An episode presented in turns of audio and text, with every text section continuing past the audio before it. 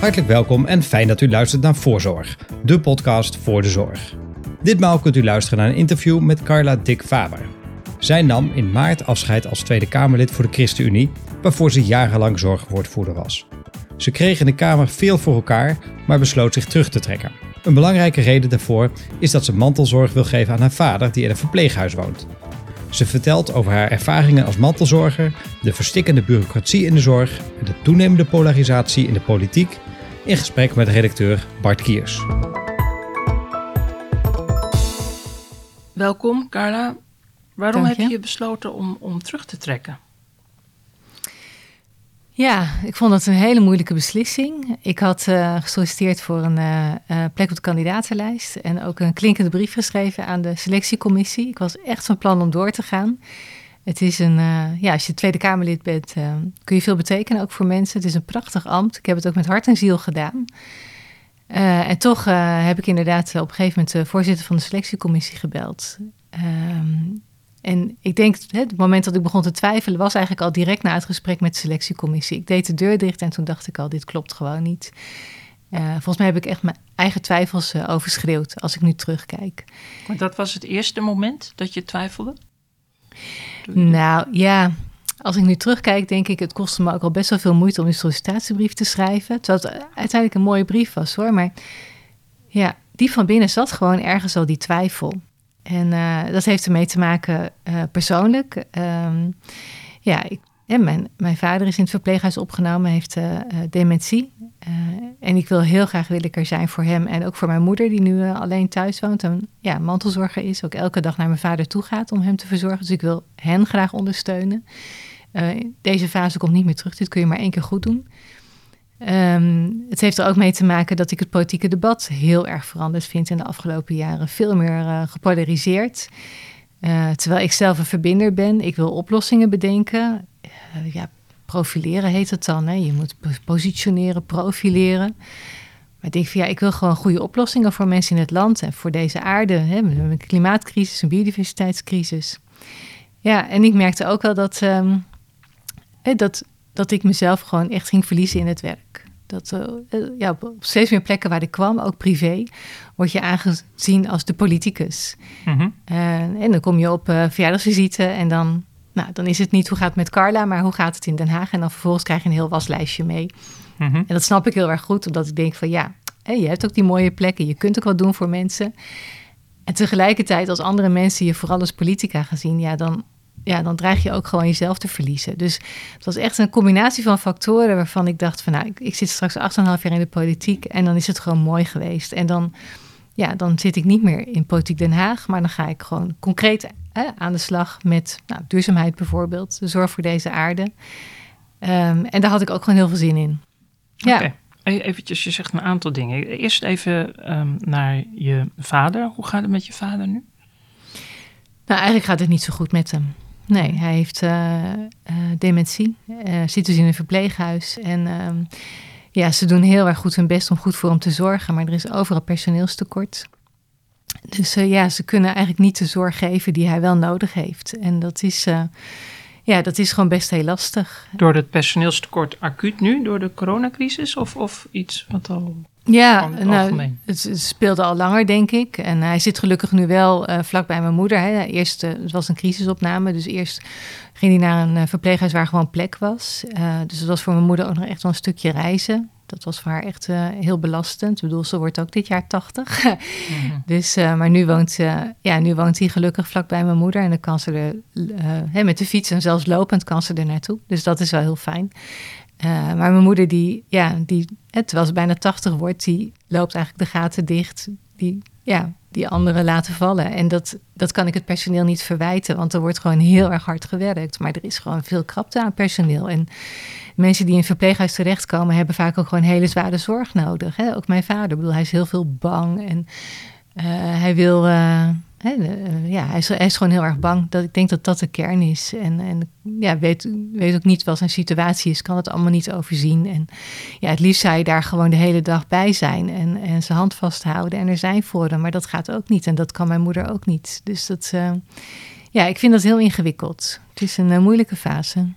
Maakt zoiets nu ehm, mee dat je anders naar de zorg aankijkt in tijden dat je woordvoerder was? Want je maakt nu eigenlijk vanuit een ander perspectief mee hoe het in de zorg er naartoe gaat. Ja, nou, ik heb heel erg veel geleerd. Ook dat we eigenlijk vanuit de politiek Den Haag de zorg heel erg ingewikkeld hebben gemaakt. Uh, ik, ik, zei net al, uh, er was sprake van een crisisopname. Dat was heel vervelend voor iedereen, zeker ook voor mijn vader persoonlijk. En toen heeft het gewoon nog twee dagen geduurd. En als ik niet zes telefoontjes had gepleegd, had het nog langer geduurd. Dus dingen gaan niet vanzelf goed. Um, maar ook dingen, zo, iets, iets heel kleins. gelukkig is mijn vader oververplaatst van de ene gemeente naar de andere gemeente, zodat hij dicht bij mijn moeder kon wonen. Uh, maar ook dat gaat niet vanzelf goed. Je moet dus gewoon echt bellen naar gemeente A, dat hij is overgeplaatst naar gemeente B, dat hij daar ingeschreven wordt. Dus je moet echt overal achteraan zitten. En um, ja, dat, zijn, dat zijn maar kleine dingetjes waarvan ik echt dacht van... we hebben het in Den Haag allemaal heel mooi bedacht. Uh, maar in de praktijk werkt het gewoon heel anders. En ja, ook ja, moeten we heel veel formulieren, moet hij een handtekening zetten over de zorg die hij krijgt. en natuurlijk is dat heel mooi, hè? je gaat uit van eigen regie. Maar hij is gewoon zo ziek. Uh, ja, hij, hij kan dat allemaal niet meer overzien.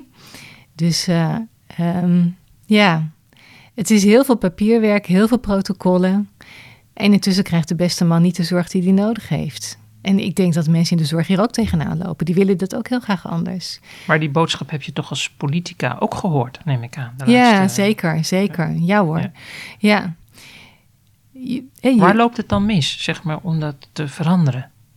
Waarom verandert dat niet? Um, ik denk dat het, dat het heel moeilijk is om te veranderen, omdat er niet één knop is om aan te draaien. Als je ik heb wel eens gedacht van misschien zou je gewoon alle wetgeving weg moeten halen en gewoon helemaal teruggaan naar de kern. En gewoon echt kijken van wat is nodig. Uh, wat is nodig om goede zorg eh, te leveren. Maar dat gaat natuurlijk ook niet. Ik denk wel dat we veel meer moeten gaan werken vanuit vertrouwen in de zorg. Ik, de, de, de zorg Heeft is de RVS een rapport over uitgebracht, hè? Precies met die boodschap. Ja, ja, ja, zeker. Maar als je één knop hebt om dat te veranderen, uh, meer vertrouwen in de zorg te, te brengen, dan, dan zouden we het doen. Maar ja, die knop is er niet. Maar je zult hier wel stap voor stap aan moeten werken. Een van de laatste dingen die ik uh, als Kamerlid gedaan heb, is om uh, een pleidooi te houden voor meer zeggenschap voor verpleegkundigen in de zorg. Je bent opgeleid als verpleegkundige om zorg te leveren, niet om al die papieren in te vullen. En ik ben ook wel bij zorginstellingen geweest en die zeiden ook van nou, wij geven gewoon echt ja, vertrouwen aan mensen die bij ons werken. En er is een verpleegkundige adviesraad, um, zodat ja, mensen kunnen doen uh, waarvoor ze opgeleid zijn, in plaats van al die papieren invullen. Dus je ziet dat het wel kan, maar er is gewoon nog een hele lange weg te gaan, omdat ja, heel veel zorginstellingen werken dus nog niet met een verpleegkundige adviesraad. En heel veel zorginstellingen uh, geven niet het uh, vertrouwen aan het personeel. het vraagt ook wel iets van ons als samenleving. Hè? Ja, samenleving is ook enorm aan het juridiseren. We denken overal recht op te hebben. En ja, als, je, uh, als er iets niet goed gaat, dan is dat niet in de eerste plaats meer een moment om te leren, maar een moment om claims in te dienen en bezwaren te maken. En ik hoorde een keer een interview op de radio met een arts en dat zal ik nooit meer vergeten. Hij zei vroeger dan, en dan kwam een patiënt kwam binnen uh, er werd geopereerd op de operatietafel en we gaven elkaar een hand. En nu zetten we allebei een handtekening. Dat is de zorg geworden. Dus de menselijke maat is gewoon helemaal verdwenen achter protocollen en achter ja, juridisering. En, en welke stapjes zou je, kleine stapjes zou je moeten zetten? Ja, ik zou echt uh, weer meer vertrouwen willen geven aan de zorgprofessional. Niet alleen verpleegkundigen, maar ook de artsen. Um, en ook de ruimte om te leren van fouten. En nogmaals, hoe dramatisch ook. Ik vind fouten gewoon echt. bedoel, waar mensen werken, worden fouten gemaakt. Um, maar. Maar, en, en, ga het gesprek erover aan. Ik kan talloze voorbeelden bedenken. Ook, ook bijvoorbeeld die, die ene keer was ik in een, uh, in een verpleeghuis en daar hadden ze een oudere man en uh, die kon niet meer overeind zitten. Dus wat ze deden was ze zetten hem in de hoek in een zitzak en dan kon hij daar in de hoek kon hij ze, ze eten opeten, terwijl hij op die zitzak zat. Maar wat hij wilde, hij wilde aan tafel zitten. En nou ja, dat dat hebben ze gedaan, maar met een gordel om. Nou, dat is een vrijheidsberovende maatregel, hè? iemand een gordel omdoen. Dus er moet een aantekening van gemaakt worden. Nou, en dan gaat er gelijk bij de inspectie gaat er een rood lampje branden. Want hé, hey, dat is een vrij maatregel. Maar laat nou die mensen die daar in die zorg werken uitleggen. Ja, maar dit was goed voor deze meneer. Want die meneer die zat aan de zijkant in zijn zitzak, maar die wilde aan tafel zitten bij, bij de andere bewoners. Maar dat kon alleen omdat hij kon niet meer zitten. Dus hij kon alleen maar door hem op die stoel nou, vast te sjorren. Maar hij was blij, de medebewoners waren blij, het personeel had een oplossing bedacht. Ja, ga dan op zo'n moment ook het gesprek aan met de inspectie. En ja, en het is niet fout. Het is, je probeert gewoon het, nou, in de gebrokenheid het goede te doen. En die ruimte voor gesprek, dat vertrouwen in de zorgprofessional, dat moet er gewoon weer zijn. Ja. Uh, even nog naar die laatste weken. Want nu, je, uh, kijk, uh, je laatste dag in de Kamer officieel was 30 maart of 31 maart? Ja, volgens mij was 30 maart het afscheid. Ja, en die ja. week daarvoor heb ik nog een coronadebat uh, gedaan. Ja. ja. Ja, Heb je er spijt van dat je de laatste weken dacht van, goh... Nee, in tegendeel. In tegendeel. Ik, bedoel, ik zag um, het gebeuren. Hè? De nieuwe Kamer was net beëdigd. En gelijk een debat tot diep in de nacht over uh, nou ja, de bestuurscultuur en de positie van uh, de minister-president. Heb je gekeken? Nou, eerlijk gezegd niet. Nee, ik heb mijn dochter, had ik beloofd uh, om als ik uit de politiek zou zijn, met haar één keer te gaan mountainbiken. Ik bedoel, ik ben een wielrenner, hè, de mountainbiken doe ik niet, maar zij wel. En ze had gezegd, mama, dat wil ik graag een keer met je doen. Dus ik zei, nou, dat gaan we doen zodra ik uit de politiek ben. Dus dat is wat ik gedaan heb. En natuurlijk heb ik wel ja, blogs gelezen. Hè, dus ik zit wel ja, in de loop van de dag kijk ik gewoon af en toe een keer op, uh, op internet. Hè. De mhm. blog van NRC, uh, die had een goede blog. Uh, die heb ik bijgelezen. En inderdaad de hoogtepunt van het debat ook teruggekeken. Maar ik zat zeker niet aan de buis gekluisterd. Nee. Hoe kijk je nou aan tegen wat daar gebeurt nu? De, de, de, ja, want het is natuurlijk wel een bijzondere hè, de roep om een nieuwe bestuurscultuur. Ja, nou, ik snap die roep heel erg goed. als je kijkt naar hoe Den Haag functioneert het is echt een kaasstop. Uh, en als, Wat bedoel je daarmee?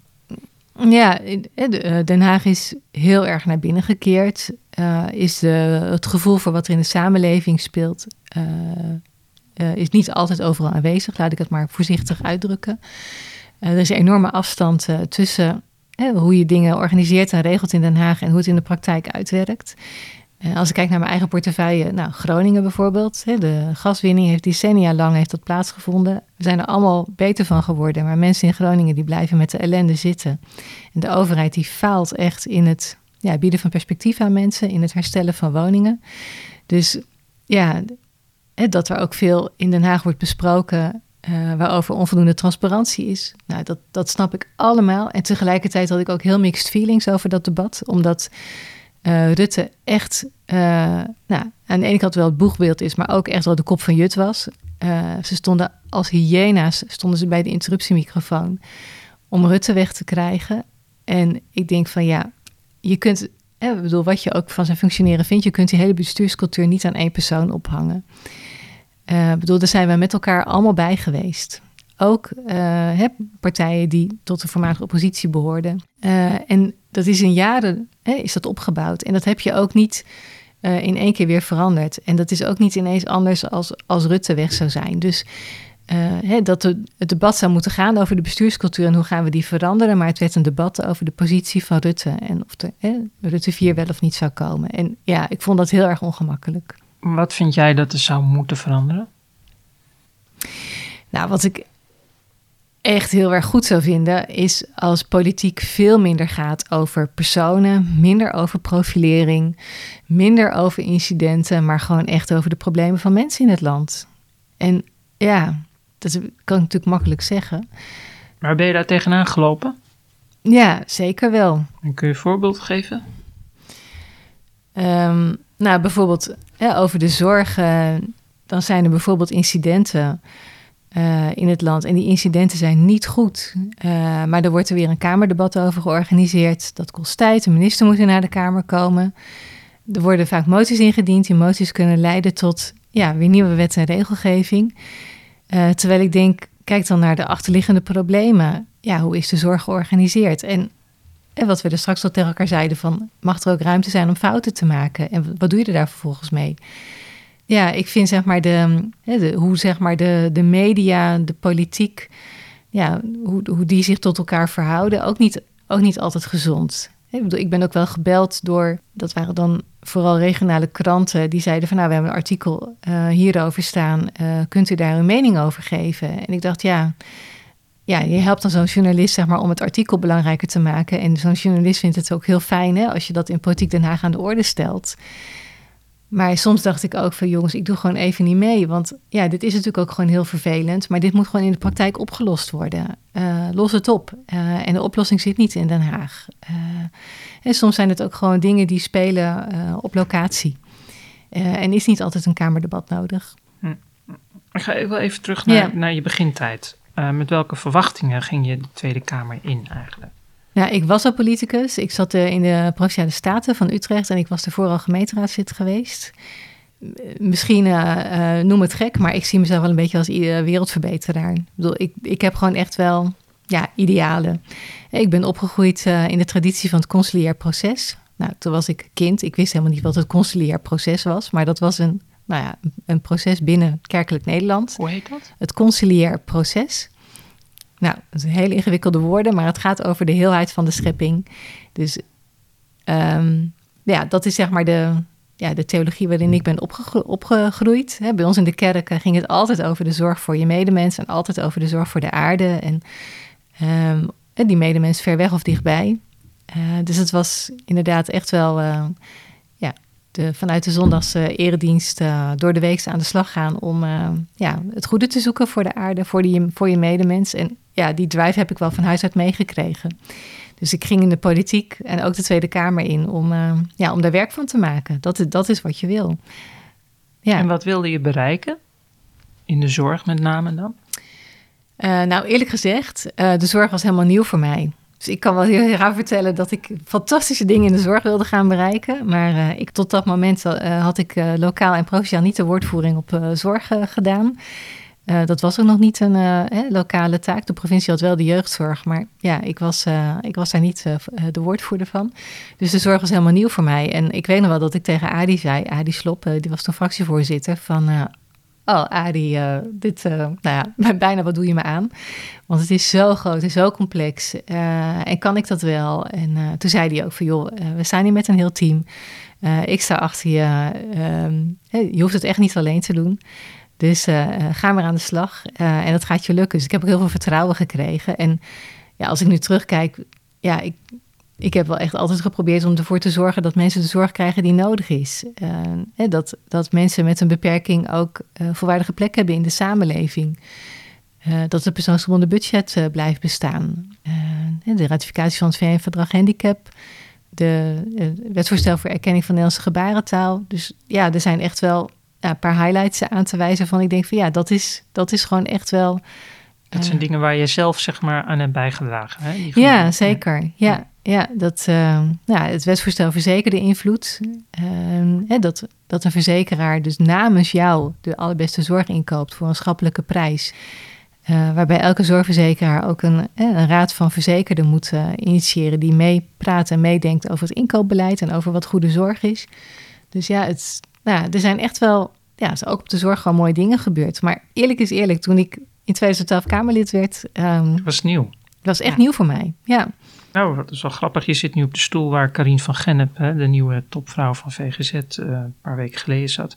En die zei dus dat ze meer, meer, meer werk wil gaan maken uh, om verzekerden te betrekken bij het beleid en bij het in inkoopbeleid. En nou, wat goed. Dus ja. dat is uh, wel een ja. boodschap die is doorgedrongen.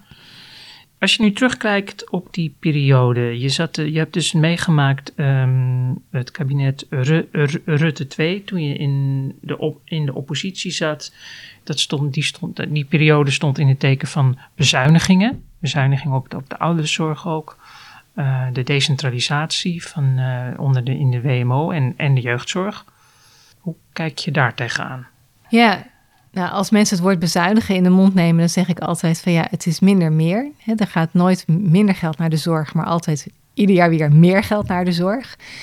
Alleen, ja, je probeert die groei wel te temperen, omdat we het wel met elkaar moeten kunnen blijven betalen. En uh, we zaten inderdaad toen in de oppositie. Maar het bijzondere was dat het kabinet VVD Partij van de Arbeid had ook geen meerderheid in de Eerste Kamer. Dus uh, hebben ze contact gezocht met de zogenaamde constructieve drie. Dat waren uh, ChristenUnie, SGP en D66. En we hebben dus met z'n drieën hebben gesproken over de, ja, de toekomst van de AWBZ, over de decentralisatie inderdaad. dus ja, we zaten in de oppositie, maar... We hadden wel invloed. We hadden wel invloed, precies. En ehm, als ik nu terugdenk, denk ik van ja, dat, dat waren intensieve gesprekken, maar ook wel goede gesprekken. Want wij zagen zelf ook wel dat er iets moest gebeuren om uh, de zorg eh, betaalbaar te houden. En de AWBZ was gewoon echt uit zijn jasje gegroeid. En ik vind het ook wel mooi hè, dat, dat je gemeenten verantwoordelijk maakt. De gemeenten zijn toch ja, de overheidslagen die het dichtst bij de, bij de burgers uh, staan. Dus dat, dat gemeenten daar verantwoordelijkheid in krijgen, vind ik ook goed. Um, je ziet nu wel eh, dat een aantal dingen niet goed uitpakken. Zoals de, de decentralisatie was het SCP onlangs ook heel erg kritisch over. Um, de decentralisatie van, van, de, van de jeugdzorg uh, met name, met de, de WMO ook. Ja. Dus daar is toch ergens iets niet goed gegaan. Ja, ja, ik, ik, ik denk dat, um, dat achteraf gezien de decentralisatie uh, misschien te snel heeft plaatsgevonden, omdat zowel een herstructurering als een bezuiniging door elkaar zijn gaan lopen. En dus gemeenten kregen een takenpakket erbij. Uh, hadden daar misschien niet goed genoeg op kunnen anticiperen. Er waren echt wel verschillen tussen gemeenten. Uh, en aan de andere kant was er ook een, ja, een herstructurering nodig in de zorg. Dus het, oh, sorry, er was een, ja, de gemeente kreeg een takenpakket erbij, maar ze, ze moesten het ook voor minder geld doen. Dus het, ja, dat maakt het voor gemeenten gewoon heel erg ingewikkeld. Dus ja, achteraf gezien denk ik dat, ja, dat we daar alert, echt, echt alert op hadden moeten zijn. Ik ben zelf geen woordvoerder jeugdzorg, maar waar ik me dan wel heel veel zorgen over maak, dat is misschien een klein zijpad, is dat er toch zoveel jongeren in Nederland zijn met wie het niet goed gaat. Ja, aan de ene kant uh, um, ja, zijn onze jongeren de gelukkigste ter wereld. En aan de andere kant zijn er wel heel veel jongeren die zorg nodig hebben. En nou ja, ik zou best wel eens uh, een onderzoek willen zien, onderliggend, van hoe gaat het nou met onze jongeren? En hoe komt het nou dat, hè, dat jongeren ja, zo, ja, zo, zo snel in een jeugdzorgtraject terechtkomen? En natuurlijk, hè, als je zorg nodig hebt, heb je zorg nodig. Onze samenleving is ook gewoon heel hectisch. En er komen heel veel prikkels af op jongeren. En het wordt ook steeds lastiger om daar je weg in te vinden. En ik ben zelf moeder en als ik zie, uh, zeg maar, uh, ja, hoe het met onze dochter gaat. Uh, ja, bedoel, zij redt zich gelukkig. Maar ja, er, komt gewoon heel veel af op die jonge mensen. En we hebben ook een pittig jaar achter de rug met corona. Ik bedoel, niks was vanzelfsprekend, ook voor, voor jongeren niet. En ik, ik ben gewoon ook heel erg benieuwd, zeg maar, naar die achterliggende, de achterliggende zorgvraag. Van, van, van wat daar aan de hand is. Na Rutte 2 kwam, kwam Rutte 3. Toen waren jullie coalitiepartij. Wat veranderde toen? Kreeg je nog meer invloed? Nou, het is sowieso heel gaaf als je in de coalitie zit, want dan kun je meebeslissen. Uh, meer nog dan uh, de zogenaamde constructieve drie. Uh, je kunt meepraten over het regeerakkoord. Uh, ik heb uh, tot diep in de nacht zitten onderhandelen met andere partijen over dat regeerakkoord. Dus dat is heel gaaf. En ja, je kunt ook gewoon punten die voor jouw fractie hè, belangrijk zijn, die kun je in zo'n regeerakkoord zetten. Nou, denk aan het preventieakkoord. Ik, ja, ik vind echt dat, dat preventie een veel grotere plek moet innemen in de zorg. En dat er dat dat ook in het regeerakkoord is opgenomen. En dat, dat we een eigen staatssecretaris hebben, Paul Blokhuis, die, die dat handen en voeten kon geven. Daarmee aan de slag kon gaan. En natuurlijk graag nog meer inzet, nog meer geld. Maar als ik kijk naar de samenstelling van de coalitie. En met ook een partij als VVD aan boord, die nou, toch ook een nou, andere inzet heeft als het gaat om preventie. Dan denk ik van nou, dan hebben we toch met elkaar mooie stappen kunnen zetten. En dan is Paul Blokhuis heel ver gekomen. En kijk ook nu hè, met corona uh, ja, zie je het belang van gezonde, gezonde leefstijl, gezond eten, uh, veel bewegen, dat zie je ook wel terugkomen. Dus dat, uh, ja, er ligt gewoon nu een preventieakkoord.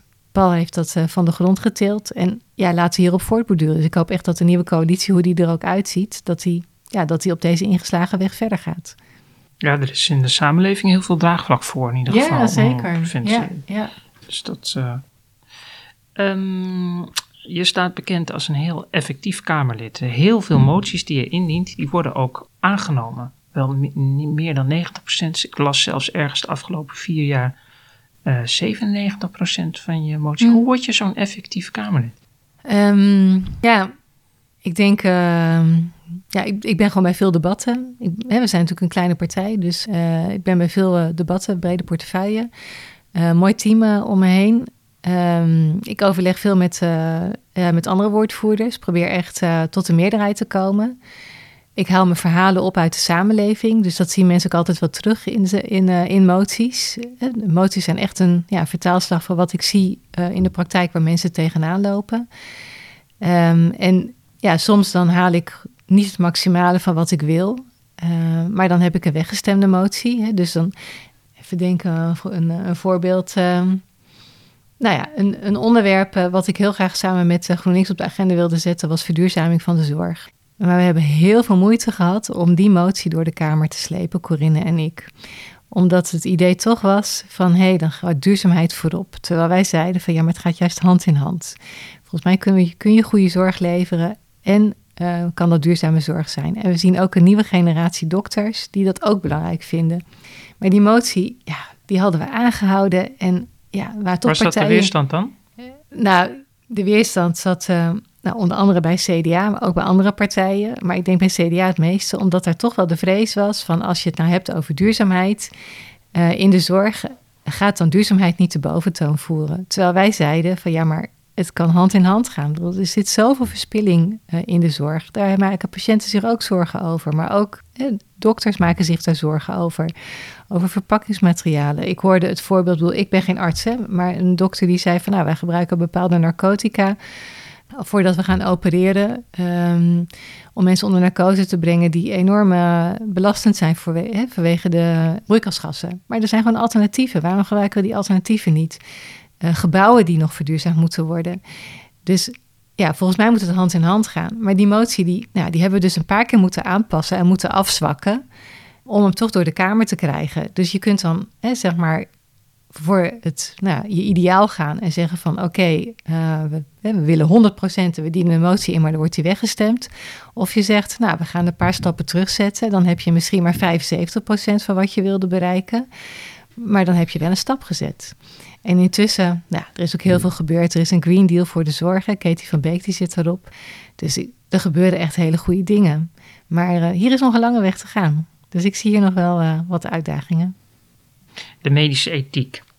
Je zat, uh, jullie zaten hè, als ChristenUnie uh, in één kabinet met D66. Uh, jullie denken als het om medische ethiek gaat toch fundamenteel anders over, ja. over zaken. Is er toen een soort wapenstilstand afgesproken toen jullie samen in een kabinet gingen? Verwoord ik dat goed zo? Nou, volgens mij is de paragraaf medische ethiek inderdaad wel de paragraaf in het regeerakkoord waar toen het meeste over gesproken, nagedacht en uiteindelijk het meeste geredigeerd is. Ja, het, uh, de wapenstilstand weet ik niet. Was je daar zelf bij betrokken ook? Dat. Ja, ik was er ook zelf bij betrokken. Ja, ja, dus, wat was de kern van, van die afspraken dan? Wat ik mooi vond, is dat we elkaar konden vinden bij waardig ouder worden. Kijk, uh, Paul Snabel had gekeken naar mogelijkheden voor mensen om met eigen regie een einde te maken aan hun leven. En dat is het nou, levenwetsvoorstel wat D66 graag wilde indienen. En Paus Nabel had gezegd, doe het niet. Om allerlei redenen. En had hij erbij gezegd, kijk naar wat mensen nodig hebben die hun leven als voltooid ervaren. Dus ga aan de slag met zingeving, eenzaamheidsbestrijding, goede huisvesting, betere zorg. En daarmee kun je echt niet alle eenzaamheid oplossen, dat snap ik. Maar hij had wel een opdracht meegegeven. En we hebben dat toen in Waardig Ouder Worden, hè, een manifest opgenomen. Daar zat uh, de oudere bonden, die hebben dat meegetekend. Omroep Max uh, heeft meegedaan. En uiteindelijk ja, was er een breed in de samenleving die zich daarachter heeft geschaard. En dat heeft een plek gekregen in het regeerakkoord. En daar waren we het allemaal over eens, ook D66. Dus dat vond ik mooi. Dus in die zin zijn er echt dingen gewoon ten goede gebeurd. En wat ik ook goed vond, en dat is misschien ook wel de kern van het, uh, die paragraaf, dat voordat je stappen zet, dat je altijd ja, even ethische bezinning inlast. Hè, van zijn er alternatieven? Uh, is het gesprek gevoerd binnen de samenleving? Hebben gezaghebbende instituties hebben, de, uh, hebben die daarover geadviseerd? we noemden dat de prisma's van Pechtold. Um, heel interessant. Hoe noem je dat? De prisma's van Pechtold. Leg uit. Nou, dat, dat is de trits die ik net noemde. Van, uh, zijn er, uh, heeft er een dialoog plaatsgevonden met de samenleving? Volgens mij was de eerste stap van zijn er alternatieven? De tweede, heb je voldoende um, ja, input van gezaghebbende instanties? De derde stap, de reflectie met de samenleving en dan pas het politieke debat. Wat tot nu toe wel gebeurde, was dat er heel snel het politieke debat werd gevoerd. Ja, dan wordt een medisch-ethisch onderwerp wordt een, ja, gewoon politiek gemaakt. En dan ben je voor of tegen. Terwijl ja, die, die reflectie, die bezinning, die kan je ook gewoon echt handvatten bieden voor het politieke debat. Dus nou, dat vond ik ook echt wel de winst. En dat we bijvoorbeeld uh, zo'n politiek debat, uh, of nee, zo'n ethische reflectie hebben gehad. Uh, over het creëren van embryo's. Van, moet je dat willen? Wat is eigenlijk een embryo? Wat is de waarde van het embryo? Nou, er is een heel interessant rapport uitgekomen. En uit dat rapport, ja, daar komen allemaal vragen naar voren... die we in het politieke debat gewoon vaak niet stellen. Dus blijkt dat mensen in het land veel genuanceerder hierover denken... dan ja, in politiek Den Haag, waar je vaak alleen maar ja-nee hebt. Dus ja, als ik terugkijk, denk ik van, uh, nou, er was inderdaad wel een soort van wapenstilstand, maar met waardig ouder worden hebben we elkaar echt kunnen vinden. En ik vind die, die reflectie die heeft plaatsgevonden op een aantal ethische uh, ja, dossiers, vind ik gewoon ook echt heel waardevol. Ja. Maar met abortus ging het toen in één Kamerdebat niet helemaal goed. Dat is in 2020, hè? Toen stond een soort pop, uh, polariserend. Wat ging het toen wat ging er toen mis? Ja, uh, nou, uh, de ChristenUnie is uh, geen voorstander van abortuswetgeving. Ehm, maar volgens mij, eh, bedoel, los wat je van abortus vindt, zou je wel met elkaar moeten kunnen vaststellen dat geen vrouw voor de, haar lol een abortus ondergaat. Het is niet iets, je gaat niet juichen naar de abortuskliniek van ik, ik mag een abortus ondergaan. het is gewoon echt, het kan een heel traumatiserende ervaring zijn dus dacht ik, misschien kunnen we het erover eens worden dat we het aantal abortussen terugdringen. Hè? 1 op de zeven zwangerschappen eindigt in een abortus, meer dan 30.000 per jaar. Dat is gewoon best wel veel. Uh, dat had Edith Schippers ook gezegd. Dus laten we nou kijken hoe kun je het aantal abortussen terugdringen. Nou, abortus wordt vergoed in Nederland en dat is prima. Hè? Het is toegestaan bij wetgeving, dus het is logisch dat het ook vergoed wordt. Um, maar anticonceptie wordt niet vergoed. Dus had ik het voorstel gedaan van nou laten we dan anticonceptie ook vergoeden. Dan kun je in ieder geval heel veel onbedoelde zwangerschappen en abortussen voorkomen. Dus dat was mijn voorstel in het debat. Nou ja, je kent mij, hè? ik stap naar voren en ik wil gewoon iets neerleggen wat iets opbouwt en wat misschien kan verbinden. Maar toen kreeg je iedereen over je heen. Ja, nou, eerst de SGP. De SGP zei van ja, moeten we het dan niet omdraaien? Dan gaan we zeg maar anticonceptie vergoeden en abortus niet meer. Ik vond het heel moeilijk om om daar, uh, daarop te reageren op dat moment. Kijk, aan de ene kant, ik word ook niet blij van abortus en wij zijn niet voor die abortuswetgeving, maar ik vind het ook problematisch als je drempels gaat opwerpen voor iets wat, wat je gewoon, waar je gewoon recht op hebt als vrouw in Nederland. Maar op dat moment, ja, in de hitte van het debat, ik vond het heel lastig om daar, daarop te reageren. Dus hè, de SGP trok aan de ene kant. Uh, en vervolgens kwam D66, die trok aan de andere kant van ja, krijgen we dan de breinaalden weer terug, wat de ChristenUnie betreft? Ik dacht echt van, nou, dat kan niet waar zijn. Dus ik wil, nou, eigenlijk misschien wel met allebei nog een keer reflecteren met een uh, kopje koffie als we weer op het terras kunnen zitten. Van wat met, gebeurde met er nou? Met wie wil je reflecteren? Nou, misschien wel zowel met Kees van der Staaij, maar zeker ook met Vera Bergkampen, die nu fractievoorzitter is. Uh, sorry, uh, Kamervoorzitter is geworden. En nou, daar feliciteer ik haar van harte mee. Ik heb ook heel goed samengewerkt. Maar die vraag op dat moment hè, van wil de ChristenUnie de breinaalden terug? Nou, dat is, dat is gewoon totaal niet aan de orde. Ik bedoel, ik deed een constructief voorstel in mijn optiek, hè, van we gaan anticonceptie vergoeden, dan is in ieder geval geen financiële belemmering meer om anticonceptie te gebruiken. En kun je hopelijk heel veel onbedoelde zwangerschappen voorkomen. Ja, en aan de ene kant werd getrokken van nou, laten we dan maar abortus niet meer vergoeden. Ja, dat kan ook niet. En aan de andere kant, ja, uh, krijgen we dan wat de ChristenUnie betreft de breinaalden terug als we abortus niet meer vergoeden. Maar dat was helemaal niet wat ik. dieptepunt. ik vond het, ja, ik vond het heel, ik vond het heel lastig. En toen dacht ik echt van, nou, dit is de polarisatie. Ja, die, dit, is, dit is gewoon niet goed. Ik bedoel, intussen zijn vrouwen die onbedoeld zwanger zijn, die zijn de dupe. Ja, terwijl ik alleen maar wil dat die ja, dat we onbedoelde zwangerschappen voorkomen. En dat als je onbedoeld zwanger bent, dat je dan de allerbeste zorg krijgt. En daar, je hebt een motie ingediend hè, over de anticonceptiepil. ja, uh, Ploemen uh, van de Partij oh, van de Arbeid heeft hem uiteindelijk ingediend en die hebben we gesteund. Ja, ik geloof dat de Partij van de Arbeid heeft hem ingediend. Dat had ze in het debat ook? Hij is ook aangenomen. Oké, dus daar is wel iets van. Nou, even terug naar de praktijk dan. Uh, je eigen toekomst. Wat ga je doen? Ik ben in gesprek met uh, allemaal organisaties. Uh, en niet heel concreet voor een baan, maar meer in de zin van ja, contact onderhouden en netwerken en samen wandelen. Uh, samen nadenken over de toekomst. Uh, dat doe ik graag. Ik waardeer het ook enorm dat die organisaties daarvoor openstaan. En ik hoop iets te doen met duurzaamheid. Dat, dat vind ik, ja, duur, duurzaamheid, de zorg voor deze aarde. Zorg voor onze leefomgeving, dat, dat gaat me echt aan het hart. En ik denk ook als we goed zorgen voor de aarde, dat we ook zo goed voor onszelf zorgen. Ik zat vanmorgen in de auto, hoorde ik nog heel veel over vuile lucht. Uh, wat gezondheidsschade oplevert. Dus ik denk van nou, hè, als we inzetten op een duurzame leefomgeving, zonder kolenstroom, hè, de kolencentrales uit, uh, minder plastic, uh, wij drinken nu uit een plastic bekertje, maar minder plastic, wat ook je lichaam allemaal binnenkomt.